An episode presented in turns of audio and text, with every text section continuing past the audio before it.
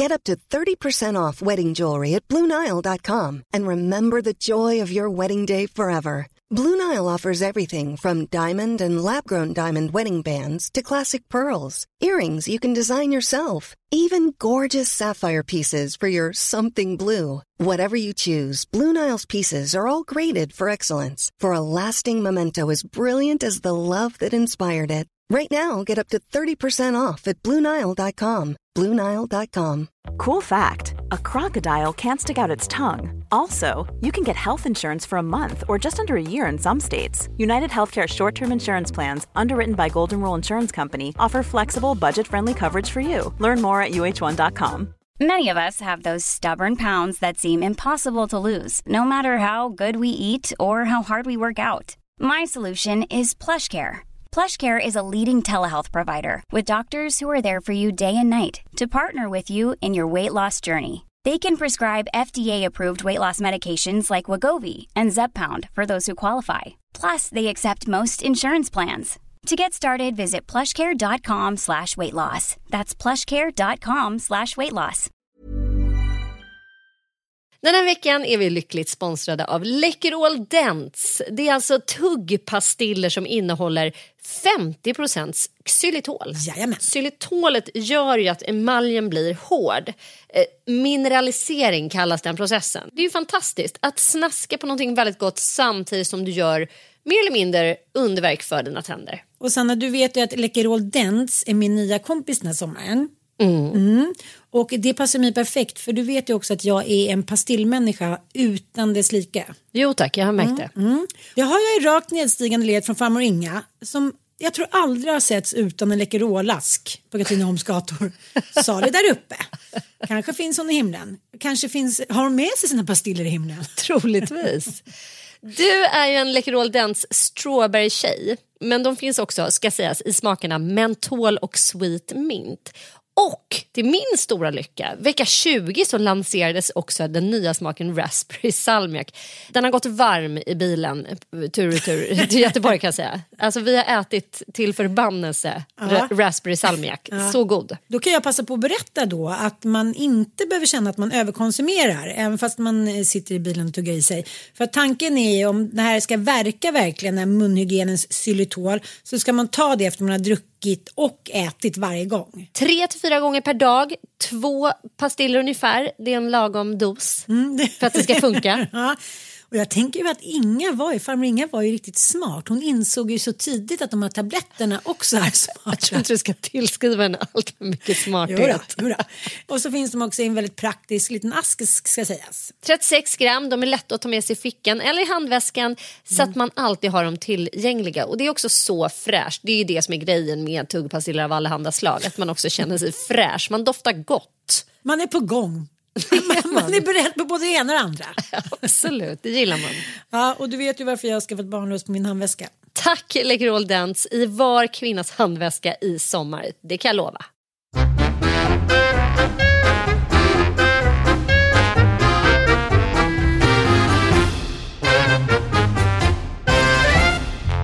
Välkomna till ytterligare ett avsnitt av Supermorsorna som numera heter Inte din morsa. Inte din morsa. Mm. Ja, lite kaxigare. Mm. och eh, vi kör live. Ut. Vi, vi, har med oss Fox, han är med. Vi är ute, utrikeskorrespondenter ute från spenaten. Han har slutat sova. Han har slutat med det. Vi är liksom mitt emellan och det är väl också anledningen till att vi eh, inte har poddat kan man säga. Vi eh, har ju haft fullt upp med eh, vår kokbok som vi håller på och skriver och inspelning av kampanjfilmer och bara varit på olika håll. Och du har ingen microphone och jag har the mics. Ja. Det kanske är en tafatt och futtig ursäkt men vi, vi, var ju så, vi var så snabba där med att säga med bestämdhet att vi skulle podda liksom varje vecka nu. Och så. Det blev inte Det var kaxigt av oss. Det var jävligt kaxigt. Mm. Okej, okay, eh, det vi har bestämt är att vi måste nog ha en bestämd poddtid. Vi måste det och det säger någonting om oss som människor. Analysen eh, som eh, kommer är en analys på oss helt enkelt. Och det är... Fan vad djuplodande. Ja, lite djuplodande. Jag, vi har liksom ingen struktur i livet. Det var den lilla Då var det klart. Då Då var det klart. Nej, men det, och det kan jag försvara också. Du har fem barn, jag har fyra barn. Vi är båda frilansare. Vi har projekt som kommer och går. Vi har inga fasta arbetstider. Eh, jag bor i Och inga, spenaten. inga barnvakter. Inga barnvakter. Min barnvakt har också varit bortrest en månad. Hon sa att hon skulle vara borta i två veckor. Och han har inte börjat då sin dagmamma heller. Så att eh, vi sitter liksom lite i någon slags mammaledighets-kaos. Ja. Precis älskling. Eh, det kommer vara lite eh, en he- hejarop från Foxen här bakom. Eh, eller hur Foxen? Mm. Men hur som helst så kommer jag, eh, du ska till Cannes och jag ska till Bokmässan med vår nya kokebok. Och eh, den, kan man, den kommer ut 29 oktober, men man kan redan nu gå in och beställa den. Ja, förhandsbeställ den. Gå in på min eller Anns Insta så finns det länk där till eh, boken.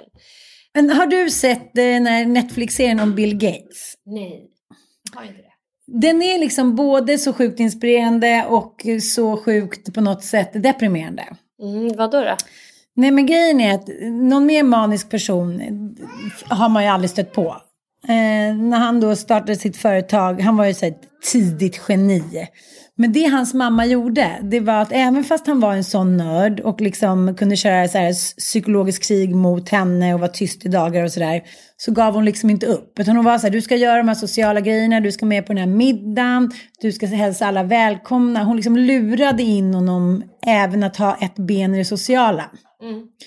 Eh, och sen så till slut så kände hon så här, nu når jag inte honom längre, så då ringde hon en terapeut som under fyra månader försökte övertyga honom om att så här, det är orättvist, liksom, det spelet som du spelar. För att de vill dig bara väl. De vill mamma och pappa och de är liksom schyssta lirare. Medan du sitter och känner ett psykologiskt krig mot ingen fiende. Då sa han, det tog tre, fyra månader och sen liksom förstod jag att, så här, att det var jag som hade gjort fel. Mm. Så eh, jag tänker att, att det som var så intressant med den här serien är dels att liksom, ja, men man har en vilja jävligt tidigt när man är sådär kokobello smart. Men, men att, jag tror jag pratade med Uno Droge om det där, hur viktigt det är, även fast de här smarta speciella barnen måste liksom, de får inte grotta in sig i sin nördighet. Man måste också ha ett ben i sociala, för annars är man ju ändå rökt när man kommer ut i arbetslivet. Det går inte att sitta i ett hörn och bara programmera. Men eh, det som var så himla, eh, liksom, som är så tydligt också är att han hade ju en partner som han jobbade med och han hade ju andra intressen liksom. Ja men musik, eh, kanske dricka ett glas vin på fredagen. Och det gick ju inte. För det var som Bill Gates hade, när de satt och programmerade som mest och liksom startade sitt företag då, eh, Microsoft, då åt han inte ens. Utan han tog bara liksom någon form av vitaminpulver. Och så tänkte han så här, jag har ju vatten i kroppen. Så han slickade bara i sig det här energimedlet. Och han gjorde liksom till en grej. Han var liksom upphöjd för att han jobbade så mycket. Han hade inga lediga kvällar, inga helger, ingen semester. Han tyckte liksom att det var för sissies. Ja, men jag vet, men det känns ju som att det är så många som tror att det finns en genväg till så här superframgång. Det gör ju inte det. Nej. Det är bara att jobba dygnet runt och det tycker man ju liksom inte riktigt att det är värt. Men frågan är om det inte krävs en väldigt speciell typ av hjärna för att eh, kunna göra det. Eh, den där nördigheten, nu ska inte jag gå in på att diagnostisera Bill Gates men det känns ju onekligen som att han kanske ha, ha, har en eller hade en och annan diagnos. Men det som är så jävla härligt med honom tycker jag också är att när han berättar om så han ger aldrig upp. Han, Nej. de försöker ju utrota polio. Det är liksom hela hans mission. Och nu hade han fått sin typ... Melinda Gates, är inte hon så en av de största dona alltså de har ju liksom donationer och är ju liksom en av de största så här, givarna vä- världen Ja. över sett till capita. Mm. Och nu fattades det, för nu vill han liksom satsa ännu mer. För att i de här områdena där de försöker utrota polio så blev det då osäkerhet. Men IS kom dit. Alltså det var mycket som, de var precis nära att utrota. Det var så här 37 fall i Nigeria. Eller något sånt, där, Nigeria. Och då hände en massa oroligheter och då eh, täpper de ju till liksom, de här, eh, vad ska man säga, de här möjligheterna att ta sig till de olika men, men då hade de en så dålig karta då, ett av de här afrikanska länderna. Då satt han själv och programmerade om med satellitbilder, varenda liten bild i hela landet, så att de kunde visa för hjälparbetarna vad de missade.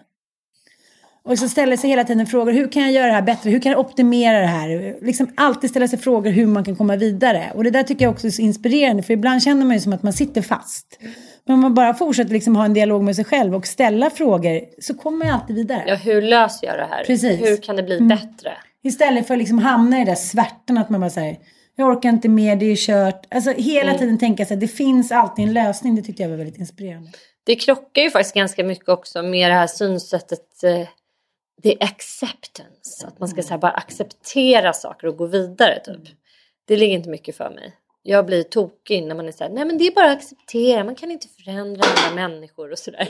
Man bara optimera, eh, förändra, eh, ändra Gå bara. framåt. Gå framåt. Hur kan vi göra det här bättre? Hur kan vi liksom... Eh, men det tror jag liksom, det måste väl ligga i, mänsklighetens grundball, liksom, i vår ryggrad på något sätt. Den där viljan till att förändra och förbättra och optimera och göra saker. Det här lösningsorienterade, det, det är väl det vi är. Liksom. Jo, men jag tycker ändå det är så roligt. Jag läste någonstans att eh, för liksom en miljon år sedan, typ, då hade man ju liksom de första verktygen som var en liten sten då som man liksom hackade. Och sen tog det typ 850 till 900 000 år innan vi kom på att man kanske kunde sätta fast den här lilla stenen på en pinne. Och så har allting hänt så jävla fort. Där är vi också så konservativa människor också. Ja. Det är vissa som är lösningsorienterade. Ja. Varför gör man inte så här istället? Nej, för så här har vi alltid gjort. Ja, men det är intressant. Du Jag- hörde ju min och min mans diskussion här om mattor. Han ville då byta ut alla våra gamla mattor mot nya mattor. Och han är väldigt så här. Jag tycker vi möblerar om hela hallen. Alltså helt plötsligt så kommer han med någon impuls att han vill göra om. Och då är, jag, blir jag stockkonservativ som ett svar på det. Att jag bara, nej men är, du helt galen? Alltså det ska vara som det har varit. Vi har hittat det perfekta sättet att ha den här mattan på. Vi kan inte byta plats. Och, och ibland så får han sin vilja igenom och gör då. Och i 50% av, av hans möbleringsiver leder ju till någonting som är bättre. Men 50% leder ju till något som blir sämre.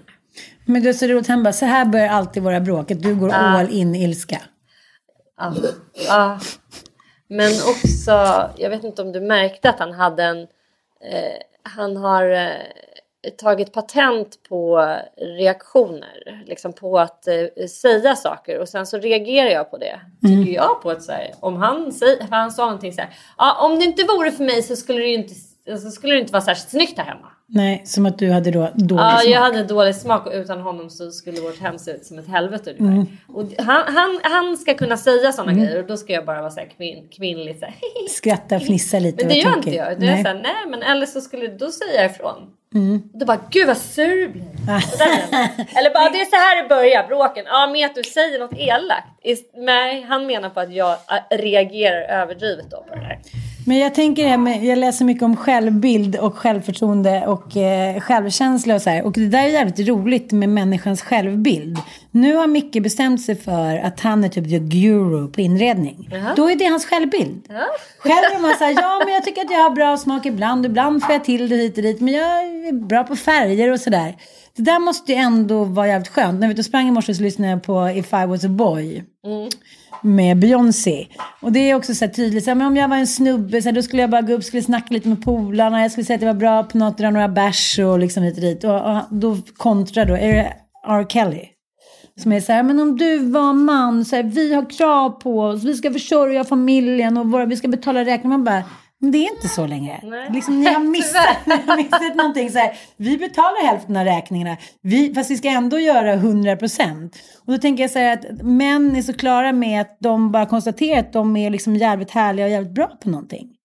Och de kan bestämma det själva, det måste ju ändå vara väldigt skönt. Ja, De behöver ingen annan Nej, talar om det för. De bara, Jag är grym på det här. jag föddes som inredare. Ja. Och då är det bara så ristat i sten. Det är en väldigt stor skillnad på kvinnor och mäns självbild tycker jag. Våran är mycket lättare att rasera. Just att man kan trycka på punkter där vi historiskt sett har liksom blivit bedömda. Moderskapet, knulleriet, matlagningen. Handfixandet. Mm. Medan så här, eftersom män inte har den, liksom inte blivit bedömda efter den mjuka varan så kan de mycket lättare slå sig ifrån det liksom. Ja, men jag tycker typ att det stämmer rätt bra eh, i alla yrkesgrupper. Att män är så här duktiga på att leka. Att de är liksom bilmekaniker. och världens bästa bilmekaniker fast de kanske inte ens har en utbildning. Alltså att de tar eh, sin yrkestitel på så stort allvar så att eh, det finns liksom inte. Medan de flesta kvinnor kan ha så här jättehöga utbildningar, de kan vara läkare, de kan vara tandläkare, de kan vara ingenjörer och ändå så presenterar de sig som att de är så här, ja hej, ja ja, en liten skolflicka här typ som mm. Alltså förstår du att det ligger inympat på något sätt i eh, att vara kvinna. Att man dels inte ska förhäva sig och dels att man eh, på något sätt gör sig mindre än vad man är. Man ska inte ta plats. Nej, och för att gör man det så blir man väldigt oattraktiv. Mm. Eh, för män. Mm. Och man blir då ett hot eh, för kvinnor. Därför att patriarkatet har fått oss att konkurrera hela tiden med varandra. Så det är svårt att liksom både få vänner och att mejta eh, med premissen att man är liksom bäst som kvinna. Medan män, för dem är det ju tvärtom. Eh, det ingår ju liksom i hela deras eh, bromance-grej att de ska eh, tävla hela tiden mot varandra och det är helt normalt och det är så man förhåller sig till varandra. Och eh, man ska vara störst, stark och, och störst, starkast och, och bäst för att mejta med en partner. Jo, jag vet, men sen tycker jag, eh, när man kollade på Kennedy så även nu eh, Bill Gates familj så var men jag, jag vill bara fråga dig om ja. Bill Gates. Du, ja. du, sa att det här var en serie. Är mm. det en dokumentärserie? Ja, alltså? och han deltar. Okej, okay. Jag fattar. Mm. Men jag tycker det är jävligt intressant för att eh, Melinda Gates som han då raggade upp på jobbet. Mm, hon eh, var ju typ 23 år och så hade, hade pluggat in på Harvard, så här, dubbla ingenjörs bla bla bla. Och hon mm. kom ju dit och började direkt så här, vid 23 års ålder basa över så här, 200 pers. Men ändå hur de lägger upp det i den här dokumentärserien är att hon är den beundrande kvinnan. Mm. Och det här är också någonting som jag ser på många Instakonton i Sverige. Att så här, äh, framgångsrika män tackar sina kvinnor för att de står ut med dem och att de håller dem på mattan. Och då tänker jag så här, Melinda Gates då som äh, inte hette det såklart, men som började på Microsoft och var typ top boss. Då tänker jag så här, äh, då är ju hon liksom och lika bright som honom i stort sett, men kanske inte har kunnat offra sitt liv på samma sätt som han har gjort då, på det här nördsättet. Men ändå så sitter hon och fnissar så ställer reportern en fråga så här, ja hur, hur ser det ut in i Bills hjärna? Och då får hon ett, så här, ett flickskrattanfall. Han var så här, wow, var det så rolig fråga? Hon bara, och hon kan liksom inte sluta skratta för hon, hon vill liksom att man ska förstå hur komplex hans hjärna är. Mm. Och hon är liksom den som har fångat den extremt mm. komplexa hjärnan. Mm. Och man är trött generellt på den dramaturgin. Ja. Som i The Wife, den eh, ja. filmen. Ja, den har vi inte pratat om. Nej, men grejen är att jag har inte sett den heller. För att det här är ju också ett mönster i vår familj. Mm. Att jag är liksom omgärdad och omringad av pojkar och män och pojkar och män och pojkar och män. Och jag gillar inte att generalisera eh, såklart men kan ändå inte undgå att eh, göra slutsatsen att män, i alla fall männen i min familj, de har så jävla dålig film, eh, serie och eh, filmsmak. Mm. Det, de, det, är så dåliga filmer som eh, tittas på här hemma. Och de tittar på film varje kväll. De mm. sitter i detta tv-rum och liksom suger i sig den ena actionrullen efter den andra, den ena skräckfilmen efter den andra. Den ena här, serien om bolivianska maffian ja, efter den andra. Det, det, är så, det är skit helt enkelt som de tittar på.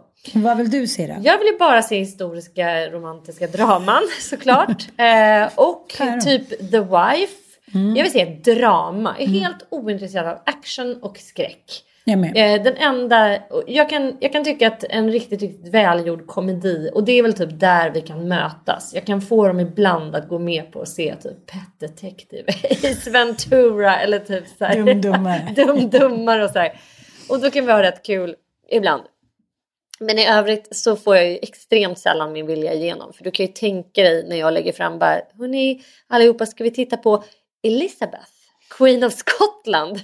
Alltså det blir ett sånt jävla rungande nej och en sån mur av motstånd. Så jag får ju aldrig titta på de här. Jag får ju ligga själv då med min dator och titta. Men jag har ju då suttit som en suktande, en törstande i öknen och sett eh, The Wife bläddra förbi här på iTunes och bara jag måste se, jag måste se, jag måste se.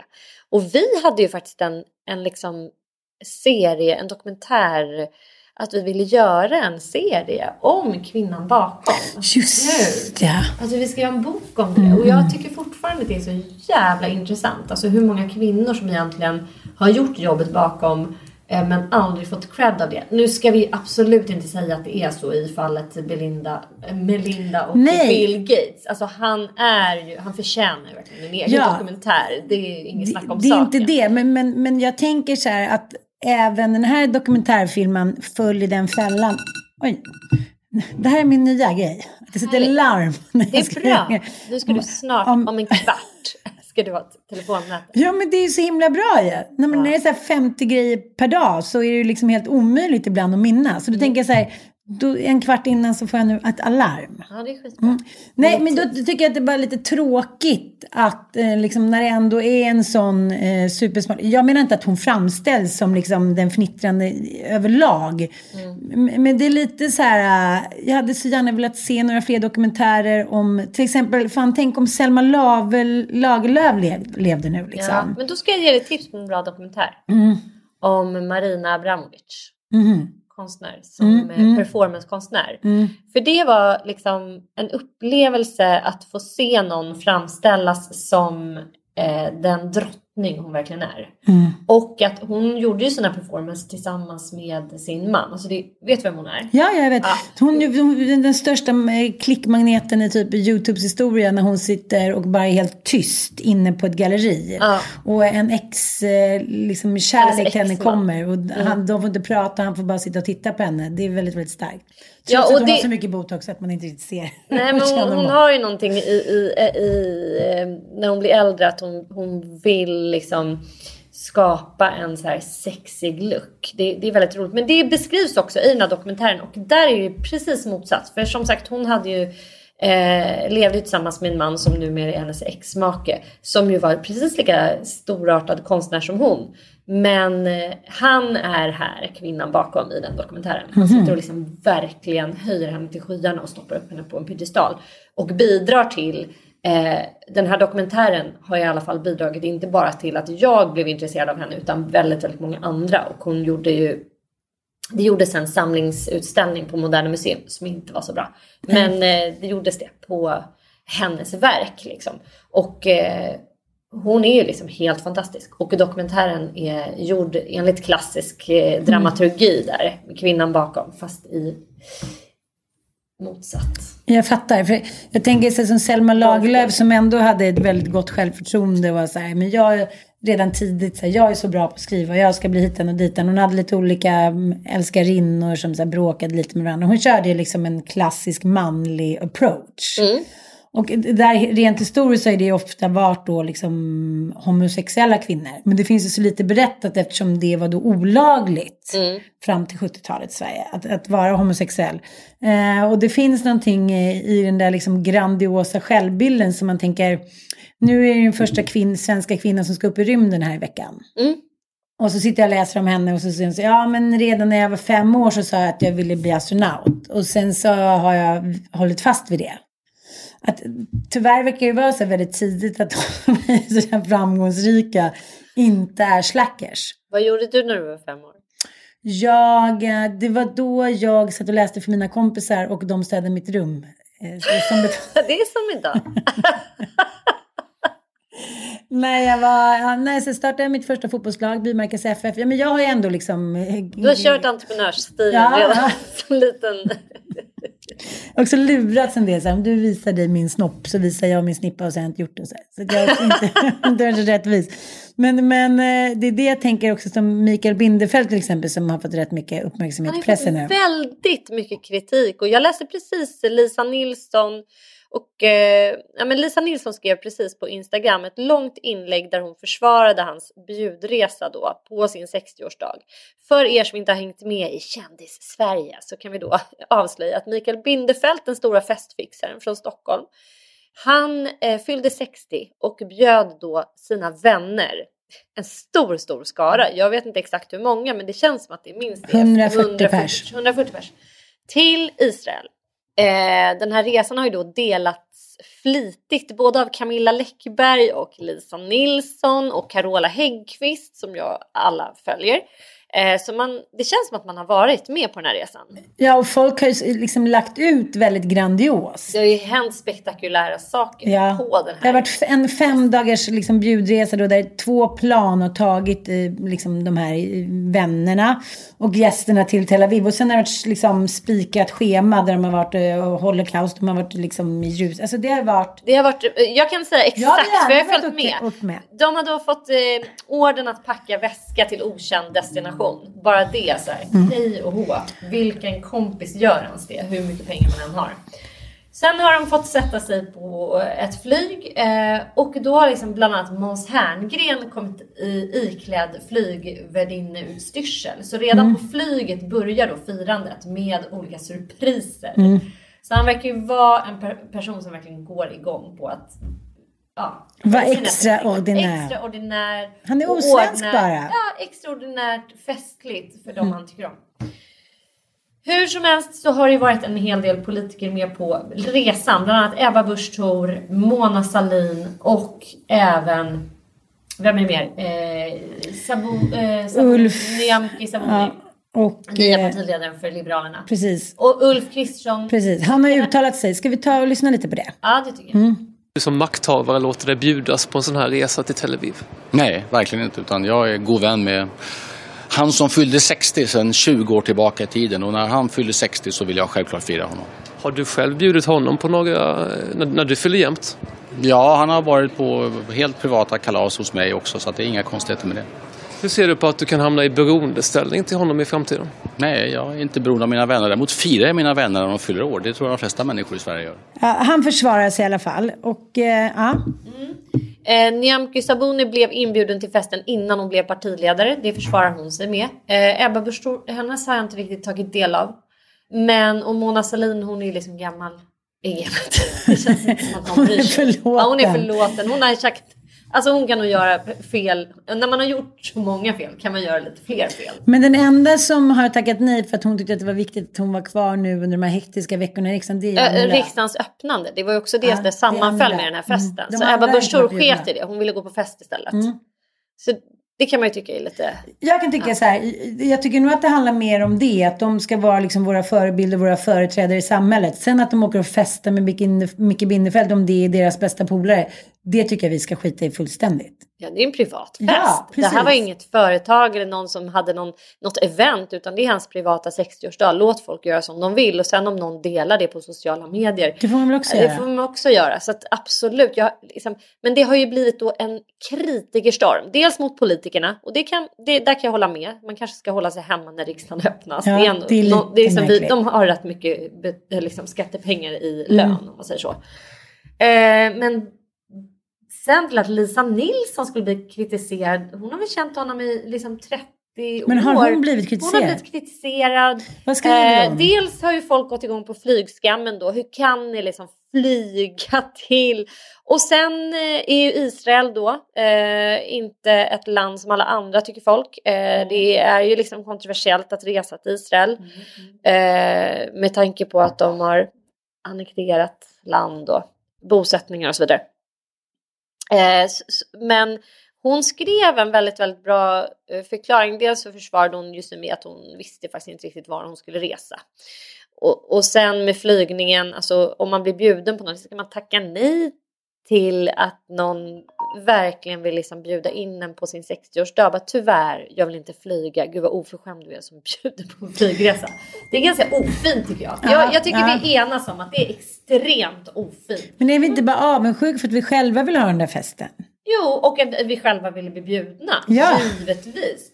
Och så här, ska man också bestämma vart någon... Alltså, Mikael Bindefeld är ju bördig från Israel. Hans pappa kom ju därifrån. Han är ju själv, har ett jätteengagemang för judisk historia och har ju en, sta- skapat en stiftelse för att eh, lyfta frågor om, om förintelsen. Så det är ju helt eh, klockrent att han vill bjuda sina vänner och väldigt inflytelserika vänner också till Israel för att visa alltså, eh, The Holocaust Memorial eh, där väldigt, väldigt många var och också har delat. Det känns som att man har varit där. Så ja, jag håller med dig Ann, det är sån jävla avundsjuka där. Både du och jag har ju varit på kanske några bröllop och några fester där det är då nästan bara kända människor bjudna för att liksom människor som gifter sig eller har festen nästan bara har kända människor som kompisar. Mm. Dels så eh, blir ja, det kanske säger någonting om liksom den personen då att så här, ja, jag har eh, jobbat mig upp och jag har gjort en klassresa och jag har inte så mycket kontakt med dem som jag umgicks med och jag har väl inte gjort någon stor klassresa men det är inte så att jag umgås jättemycket med mina kompisar från Jönköping eller Farsta.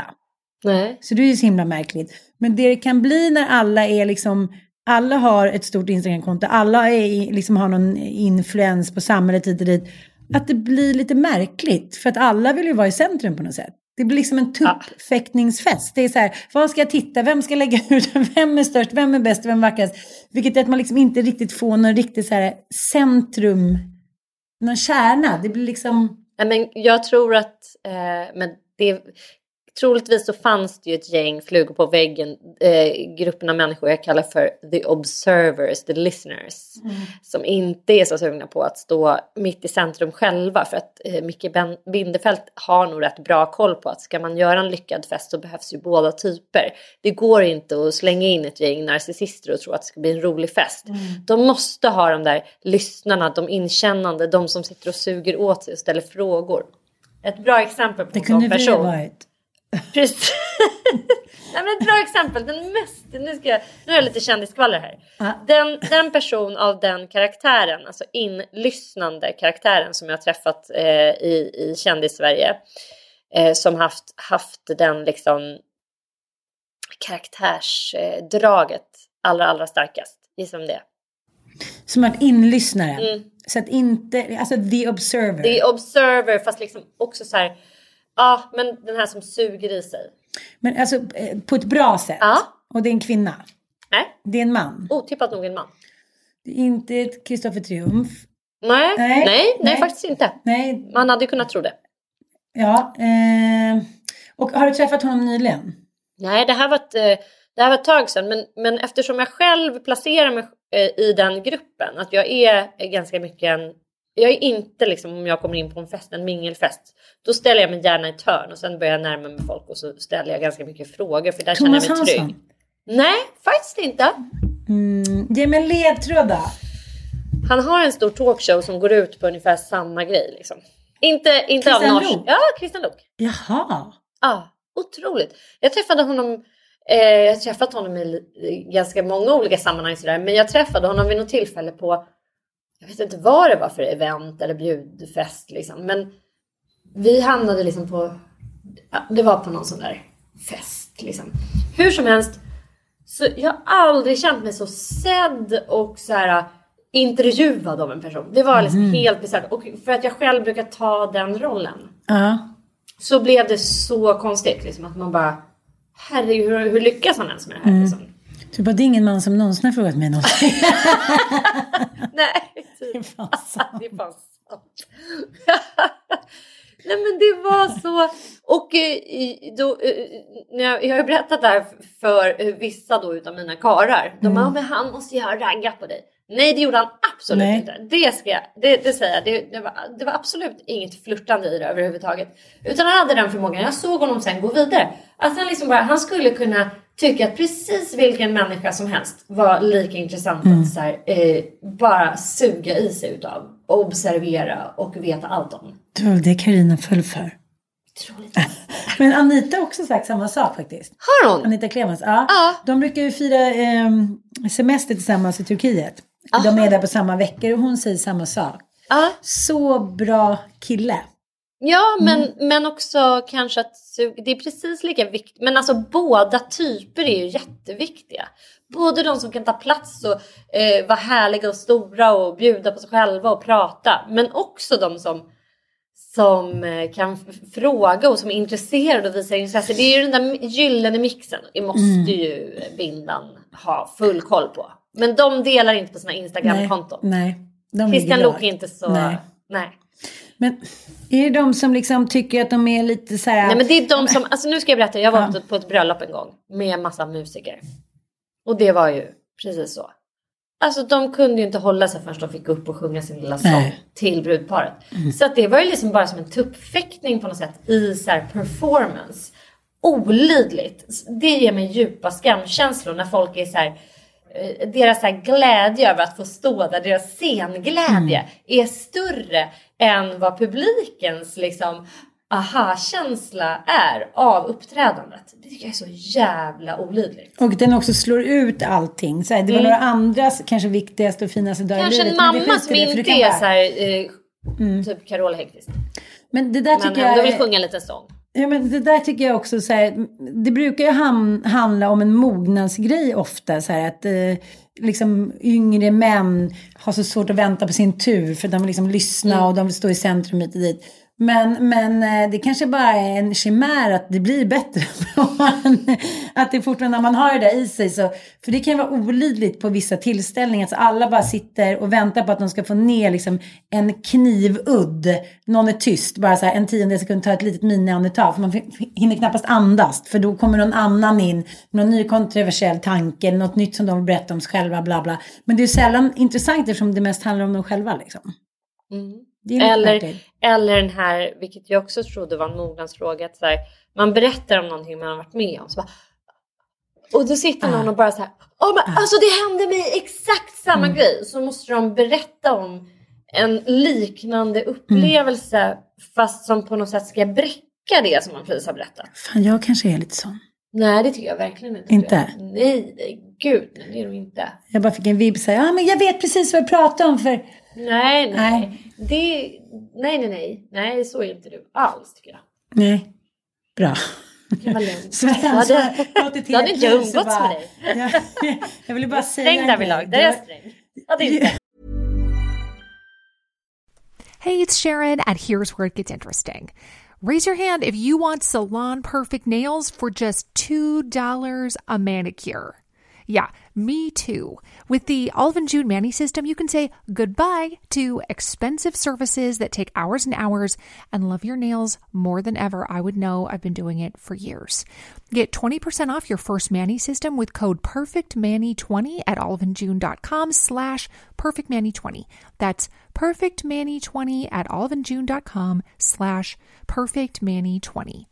Cool fact a crocodile can't stick out its tongue. Also, you can get health insurance for a month or just under a year in some states. United Healthcare short term insurance plans, underwritten by Golden Rule Insurance Company, offer flexible, budget friendly coverage for you. Learn more at uh1.com. Many of us have those stubborn pounds that seem impossible to lose, no matter how good we eat or how hard we work out. My solution is PlushCare.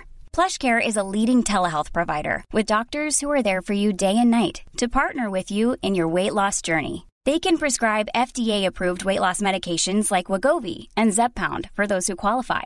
Plus, they accept most insurance plans. To get started, visit plushcare.com slash weight loss. That's plushcare.com slash weight loss. Many of us have those stubborn pounds that seem impossible to lose, no matter how good we eat or how hard we work out. My solution is PlushCare.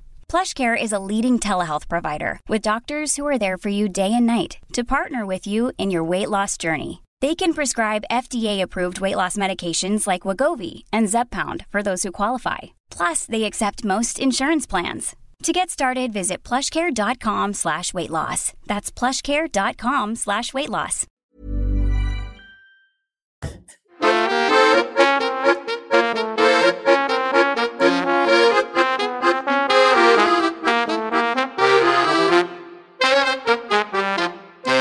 Jag tänkte också på en grej. I förra podden så gjorde du en cliffhanger om en husbil. Jag vet! Det blev aldrig något avslut. hände med oss där? Nej. Ja, men det sjuka var ju att vi hade ju en jättehärlig husbilsemester och sen skulle Micke åka på en motorcykelskurs av något slag i Tyskland. Och då hade vi motorcykeln i ett utrymme på husbilen för den ha- har liksom en, en så här, ett stort lastutrymme där man kan lasta in en cykel eller vad man nu vill. Så vi stoppade in hans eh, motorcykel där och så, så vi, jag och barnen hoppade av i Skara Sommarland. Tog en hel dag där. Micke tog därifrån husbilen ner till Göteborg där hans båt gick från Göteborg till Tyskland.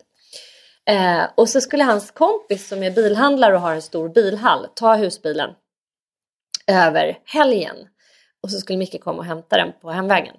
Det var alltså samma bil som jag. Ja, det var samma bil som du har haft och som även sedermera Carola har haft. Han lämnar den här bilen eh, och eh, istället för att köra bilen till bilhallen så lät han, en, eh, lät han den stå hos en kompis på landet för att ja, men bilhallen det, var så fullt med saker där och allt vad det var. Så han ställde den liksom precis vid en lada ute, utanför Göteborg på landet. Eh, och eh, så gick eh, den här snubben in och käkade och hans son var kvar ute i garaget och meckade. Mm. Och så ringde han till sin son och sa nej men nu får du komma, nu är det mat. Och så gick han in och käkade och kort därefter så exploderar hela garaget. Eh, det blev någon typ av eh, gasexplosion eller bränsleexplosion eller någonting. Husbilen stod ju inte i garaget men den stod bredvid. Och den hetta, den våg av hetta som den här explosionen skapade fick då eh, husbilens liksom ytterhölje på något sätt, eh, vissa utav fönstren men också liksom lacken att smälta. Att, alltså det blev så jävla varmt. Så det blev en tryck så den smalt. Så den smalt. Som antiklimax. Ja. För vi älskade den där husbilen och det var så roligt att Mm. eh, det var ju en Hymer, en så här husbilarnas lyx, lyxvariant. Mm. Eh, en sån bil som man liksom bara oh, kanske får åka i en gång i livet. Alltså det var så Nu är ingen härligt. mer gång. Nu aldrig mer. Nej, det var riktigt antiklimax. Och eh, ja, så det var, det var cliffhangern. Nu fick ni veta det också. Mattias som eh, var så rädd när vi lånade den där bilen att han liksom... Det var inte ens någon njutning att åka runt med. Folk fick inte röra sig. Barnen fick typ så här, sitta på en plastsäckar, galonbyxor på sig. Han var ju så, tyckte att den här historien var... Han vart glad. Nej, inte glad, men han var så han, Nej, han tyckte bara att det var så fascinerande. Han tänkte så här, det är läskigt att låna dyra grejer. För att om det händer någonting så är det så här, det är inte liksom, oj, jag tog sönder din Barbie-docka eller jag fick lite mens i dina träningsbrallor. Det är verkligen så här, Smälte det. Jag, jag, hey, sorry dude, I melted your car. alltså det är det.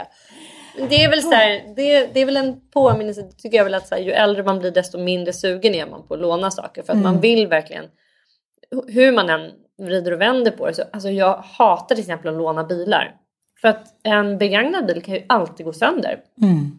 Det är som, det, snart är det dags för växellådan att krascha. Det är dags för kopplingen att gå. Och det händer ju tyvärr nästan alltid när det är någon ny chaufför som kör. För att bilen är liksom van vid en chaufför. Mm. Och sen när någon börjar dra på ett annorlunda sätt på kopplingen eller växla på ett annat sätt. Det är då det bara bam. Mm. De är som vanedjur. Man kör in sin bil liksom. Därför är ju elbil och elmoppe väldigt bra. Ah, som att inte de kan paja. Shit Sherlock. Mycket liksom blev påkörd körd här nu. Vart den? Mm. Av en elbil? Nej, hans elbil bil blev påkörd. Så man kan ju faktiskt vara helt och hållet oskyldig till olyckan. Det var ju vi med den här Hymerbilen. Alltså vem fan kan tro att något sånt ens ska hända? Man, så här, man, man verkligen bemödar sig om att ställa den här bilen på en säker plats utanför Göteborg och så vidare. Liksom. Och så bara händer det mest otippade som knappt man, man kan inte ens det är sant. Ja, men sjukt störande i alla fall. Men jag menar, den var ju försäkrad. Jag har ju löst Ja, det. det var var bara, bara, så här, att eftersom det var så Något så härligt. roligt, nu gör jag situationstecken, just för det, liksom Mattias noja, när han fick höra det där, då fick han liksom vatten på sig kvarn typ. Saker Aldrig kan mer. hända liksom. Ja. Så, mm. Aldrig mer låna. Det behöver inte, det behöver inte vara någons fel. Håll inte på låna. Nej, faktiskt. Ja, min sista spaning i den här podden som jag bara vill uppmana er alla att gå in och följa. Det finns ett konto på Instagram. Vi har ju varit rätt bra på så här, eh, tycker jag, vidga eh, vyerna. Jag älskar ju det med Instagram och med social, so, sociala medier generellt. Att man skapar sitt eget liksom, utbud.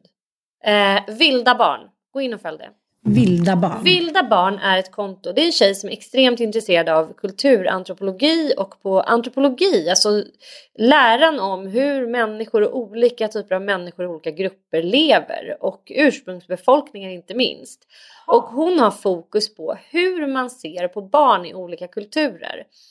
Eh, och hur våra idéer och våra, liksom, eh, vår vetenskap, till exempel anknytningsteori, liksom, helt och hållet faller när man tänker sig, alltså hon går igenom hur inuiter ser på barn, hur de ser på hur man ska mata barn, hur eh, det här med nära föräldraskap som är så populärt nu, att man ska konka runt på sin unge och liksom anknytningsteori ja. och så här. Det finns hela stammar där en, eh, jag vet inte om det var en stam i Bolivia eller om det var, eh, ja jag kommer inte exakt ihåg, men om du ser hennes sista bild där ja. så berättar hon om att barn i den kulturen, de har inte en anknytningsperson utan de har flera, alltså kvinnorna tar kollektivt hand om bebisarna och ammar varandras bebisar och uppfostrar dem tillsammans. Och de har ett ord för alla kvinnor i den här gruppen. Alltså typ ett, de kallar alla för mamma. För alla, alla barn är allas barn. Eh, Foxen, eh, Foxen är tyvärr bara mitt barn. du, ska vi hämta honom eller? ja, jag ska hämta honom strax. Men, men eh, det är så den, är, den är helt fantastisk. Eh, jag bara läs, man blir helt beroendeframkallad. Jag vill, jag vill göra en dokumentärserie om det här. Ann. Gud vad spännande. Det kollektiva moderskapet. Jag, jag sitter här och snackar lite, ska du hämta Foxen? Berätta, eh, Berätta vad du ser. Mm, det är då en, en bild på, eh, ja, en, en, en, kvinna och en pojke tror jag att det är. Eh, det är en bild eh, på då en av de här mammorna och hennes son i, i eh, Brasilien då, Krajo-folket. Och det är tydligen en artikel som man läser, den heter A Child Raised by Many Mothers. Och det är som Sanna sa, att man tar gemensamt ansvar för barnen. Och ehm, ja, alla barnen ammas av olika kvinnor, kallar mamma, moster och andra kvinnor för samma ord, inkse. Det här är ju inte något liksom specifikt för just den här folkgruppen utan väldigt vanligt bland många eh, folk då. Och det är så här som Sanna sa med anknytningsteorin. Eh, ja, den, den är ju liksom eh, en, en, bedömning som vi har här i västvärlden och den anses ju helt korkad och relevant för, eh, för de här människorna som mer ser att liksom allting kommer från moder jord. Ja, det här är skitspännande men jag vet inte, det är på samma sätt som att eh, människor, kvinnor som jobbar nära eller systrar eller liksom goda vänner ofta får mens samtidigt. För att man går in i någon eh, gemensam, liksom, organisk följetong. Men eh, jag tänker när jag födde mitt första barn, Ossian, för 17 år sedan, då umgicks jag väldigt, väldigt mycket med min dåvarande svägerska Kjella Bie. Och vi var ju väldigt nära och gjorde allt tillsammans och eh, ja, jag vet inte jag har haft tjejkompisar vars eh, syrror har ammat deras barn och de har varit iväg och rest och så här. Jag vet inte, jag tänker så att det, det här själviska moderskapet, det är ju en uppfinning, precis som hon skriver av oss i västvärlden, att man är så här, man kanske inte har någon eh, liksom tro trolig tillit till Gud, så det här är liksom ens, ens egna keruber, det är liksom ens änglar. Och har man någonting så dyrbart så känns det kanske lite konstigt om jag kommer, du kommer ner och jag sitter och ammar foxen. Men, men om, om vi hade bott på landet och liksom umgåtts jämt och du skulle bort tre dagar på grund av någon grej, någon kris eller jobb eller vad som helst. Det skulle inte vara så här helt främmande för mig att amma ditt barn då. Eller skulle det det? Nej, jag vet inte. Eller så vill du bara vara skön och så här, känna Nej, mig. Fast, fast, fast Nej, men de jag... tycker att vi är befängda. De tycker så här, allting kommer från Moder Jord. Att ni ska hålla på att ta åt det liksom något eget själviskt utnämnt moderskap när liksom alla är allas barn. Det är något fint i det där. Men, men i den världen vi lever i, i små hus eller lägenhet eller hit och dit, så är det väldigt svårt att omfamna det att alla ska springa nakna på en äng. Ja. Då blir man också anklagad för att man lägger ut bilder på sina barn. Eh, jag vet inte, jag tycker att det är fint. Jag tycker att det borde vara lite mer så. Men, men eh, ja, jag tycker ju om att ha mina barn som min lilla flock. Liksom. Ja. Men visst är den, den det är ju fantastiskt, hela det här kontot. För att hon, hon är extremt intresserad av att liksom vidga, vidga i, i vad ska man säga, vyerna i hur vi ja. ser på barn och att vi snör väldigt gärna in och vi lever ju också i ett land som ju har staten som högsta höns och där staten har bestämt massa saker. Det här har ju varit inne på i podden förut och det när man är första gångs förälder så lyssnar man ju liksom blint på BVC. Det är så här man gör med en bebis. Men eh, i andra kulturer så, är, så tycker de att vi har jättemärkliga idéer. Typ om hur ett barn ska sova och hur, hur vi Eh, ja, så här ska man mata barn och välling till exempel finns liksom inte i andra länder. Det är bara i Sverige man matar bebisar med välling. Visste du att det är ett, så här, ett jättestort problem med järnbrist? Mm. Eh, hos eh, framförallt utlandsfödda barn och det eh, beror på att och det, vi, vi har ju eh, utlandsfödda från massor med olika länder, både från Mellanöstern, det är ju det folk tänker, har man invandrare, liksom, att de kommer från Mellanöstern eller att de kommer från Afghanistan. Men de största eh, befolkningsgrupperna i Sverige, då invandrarna, det är ju faktiskt amerikaner och norrmän och massa europeer som har flyttat hit. Mm, ryssar. Och, mm, och ryssar och polacker och alla möjliga från Europa. Och de har ingen vällingtradition.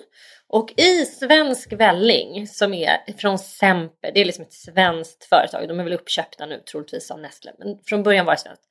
Och, och, det var liksom svensk mjölk som låg bakom, alltså statliga intressen som låg bakom i att säga, ja, men vi ska saluföra mjölk och svensk mjölk och, ska, och svenskt spannmål. Och så skapar vi den här produkten. Välling som då ska vara så himla bra för barn.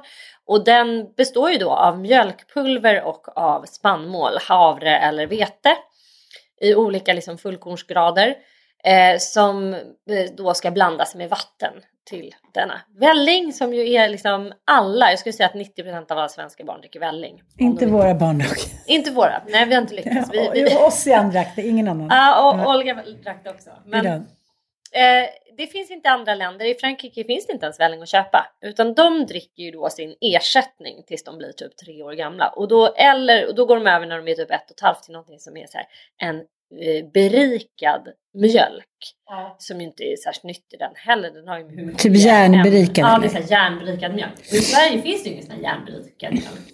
Så de ger sina barn bara vanlig mjölk. Och eh, sen får de ju då inga järnkällor för att mjölk, alltså kalcium suger ur järn på något sätt. Det är liksom en antagonist. Jaha, jag bara Frasse, benskör. Ja, nej men, man, nej, men han dricker väl ersättning? Nej, han dricker mjölk nu. Det är hans nya. Ja, men bara han äter, bara han äter liksom, eh, an, andra järnrika produkter. Och det är ju liksom spenat och vissa typer av nötter. Och, han är en riktig spenatare. Men blodpudding kanske han äter då?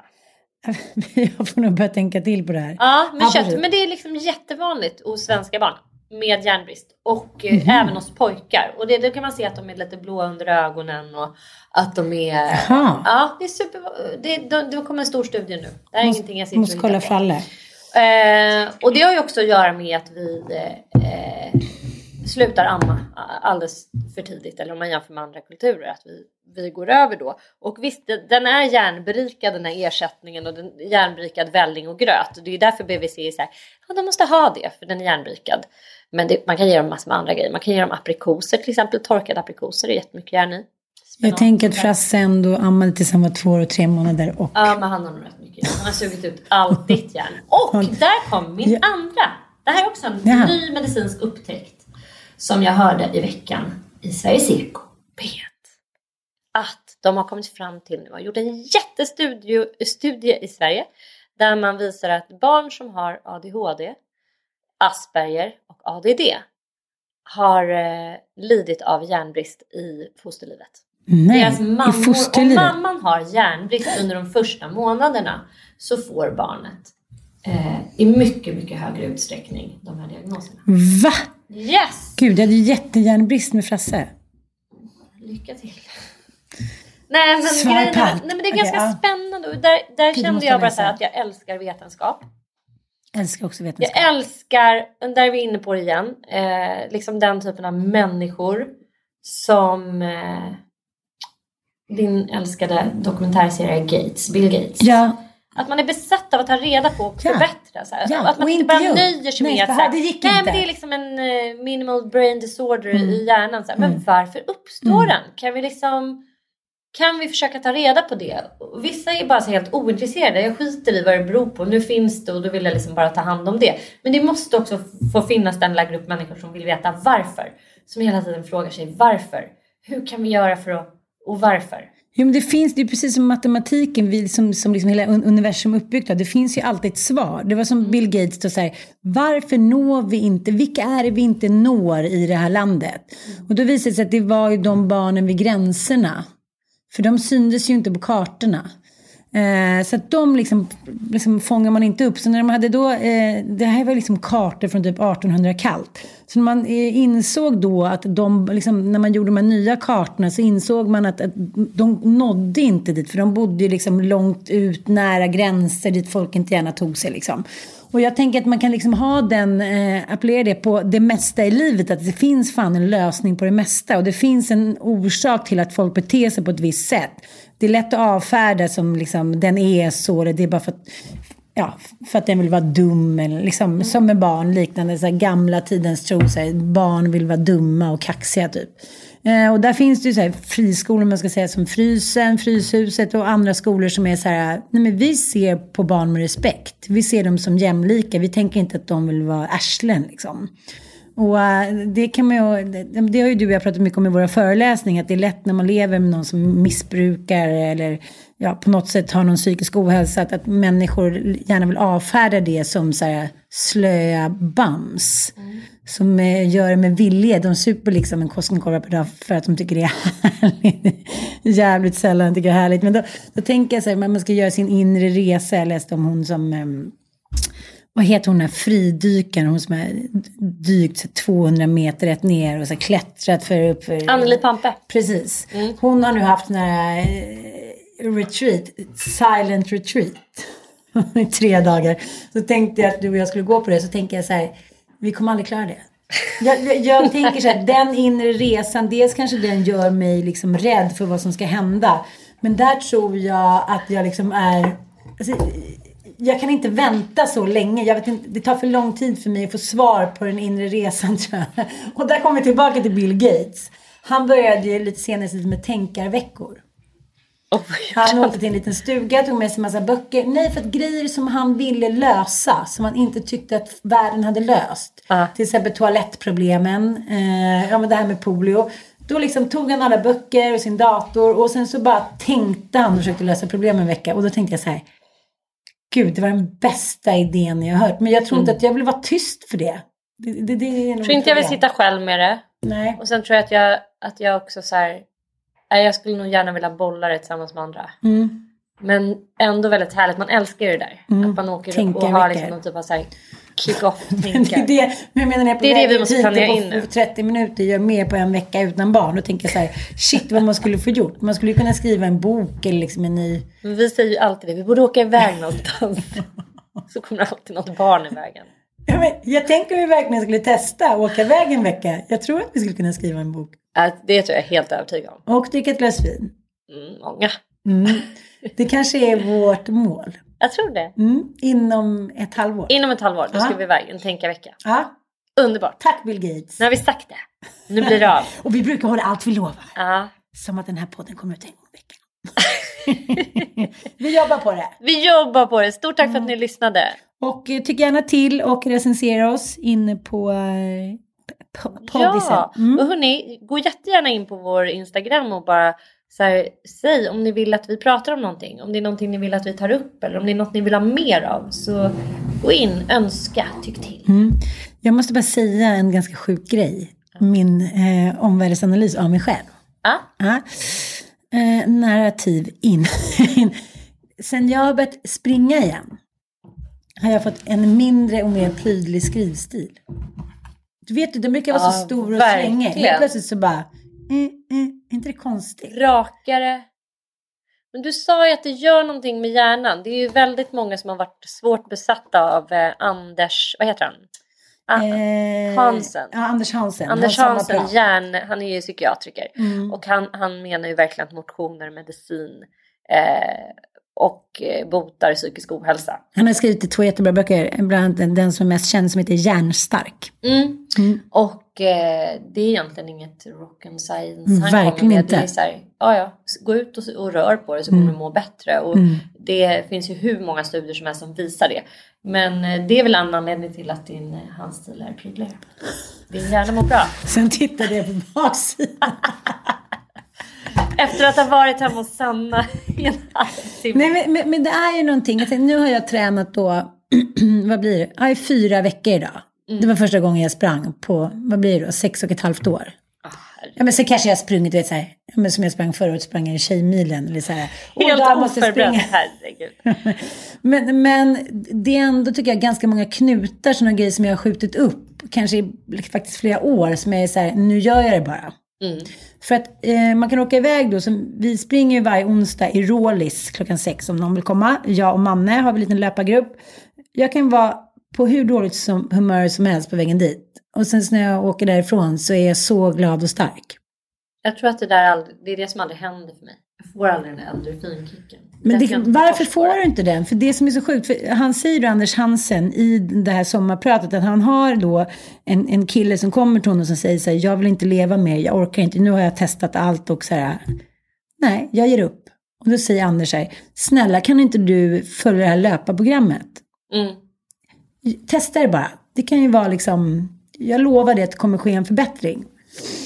Åtta veckor senare kommer han och bara säger, är så glad, inte deprimerad längre, har slutat med antidepressiva. Alltså, nu ska inte jag säga, åh halleluja, det är klart att allt, liksom, det där är också så väldigt så här, ja. Det är säkert individuellt. Ja, avhängigt på vissa funkar det skitbra. Jag tror det. Och liksom, det är det att man tycker att det är så jävla jobbigt att sätta igång. Men jag fattar inte, varför får du inte en endorfinkick? Jag vet inte, men jag, jag tror att det har, kan ha att göra med att jag eh, liksom... Nej, jag vet inte. Att jag, nej, jag vet faktiskt inte varför jag inte Dina depåer bara Ja, men så igen. jag har inget liksom, endorfin kvar. För jag har varit en så lycklig människa hela livet. Nej, jag vet inte. Nej, men det, eller så tar jag inte i tillräckligt. Eller liksom så går jag inte igång på den där typen av rusighet. Eller så är jag så pass ångestbefriad så det inte finns en ångest att döva. Jag eh, går ju generellt igång på liksom lågintensiv träning mer. Yoga, simning. Och jag skulle ju på fullt allvar kunna simma så här, i fyra timmar. Och jag älskar ju att vandra. Jag älskar att vandra. Jag skulle kunna vandra liksom i tolv. Jag tycker aldrig att det blir jobbigt. Nej. Eh, men det är liksom eh, pulsträning som jag tycker är vidrig. När, man, när man får liksom väldigt förhöjd puls. Det tycker du är jobbigt. Jag tycker det är hemskt. Jag får liksom blodsmak i munnen och bara tycker att det är så här, nej det, det, jag, jag har- finner ingen vits med det. När man blir så här röd i ansiktet och bara så här, och folk bara det är så härligt! Bara, nej, det är bara liksom Men när, men när får du din endorfinkick? Du är så här, du är så här vad heter det, lågintensiv knullare också. Du bara, Tantra.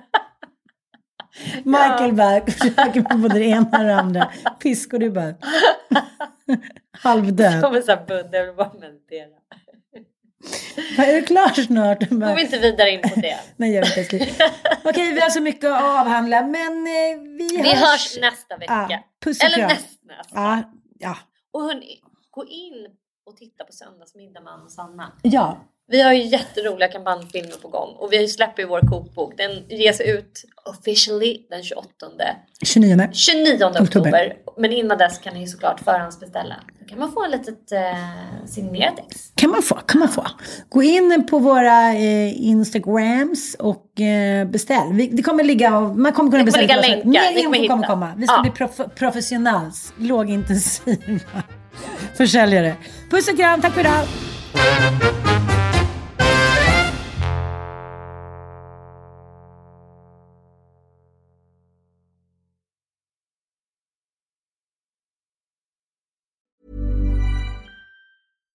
Imagine the softest sheets you've ever felt. Now imagine them getting even softer over time. That's what you'll feel with Bowl and Branch's organic cotton sheets. In a recent customer survey, 96% replied that Bowl and Branch sheets get softer with every wash. Start getting your best night's sleep in these sheets that get softer and softer for years to come. Try their sheets with a 30-night guarantee. Plus, get 15% off your first order at bowlandbranch.com. Code BUTTERY. Exclusions apply. See site for details.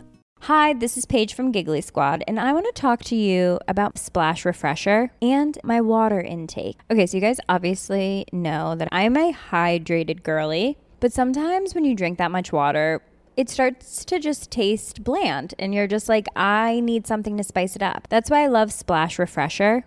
It has zero sugar, zero calories, and it's a splash of sweetness. And they come in five different flavors. They're so good wild berry, acai grape, pineapple mango, lemon, and mandarin orange. My favorite is the wild berry because I just I just love a berry. So if you're like me and you're drinking water all day, then try Splash Refresher. It's going to absolutely change your water game and it's good for you.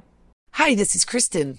And this is Jen from My Mom So Hard. And we're here to talk about By Heart. Do you remember when you were nursing and you were like, I want to give the best thing I can to my baby? Well, we've got that for you. It's called By Heart, and it is a infant nutrition company built from the ground up to deliver real innovation on behalf of babies and parents. Curious about By Heart? Redeem your welcome offer at byheart.com slash podcast with code MOMS20 for a limited time.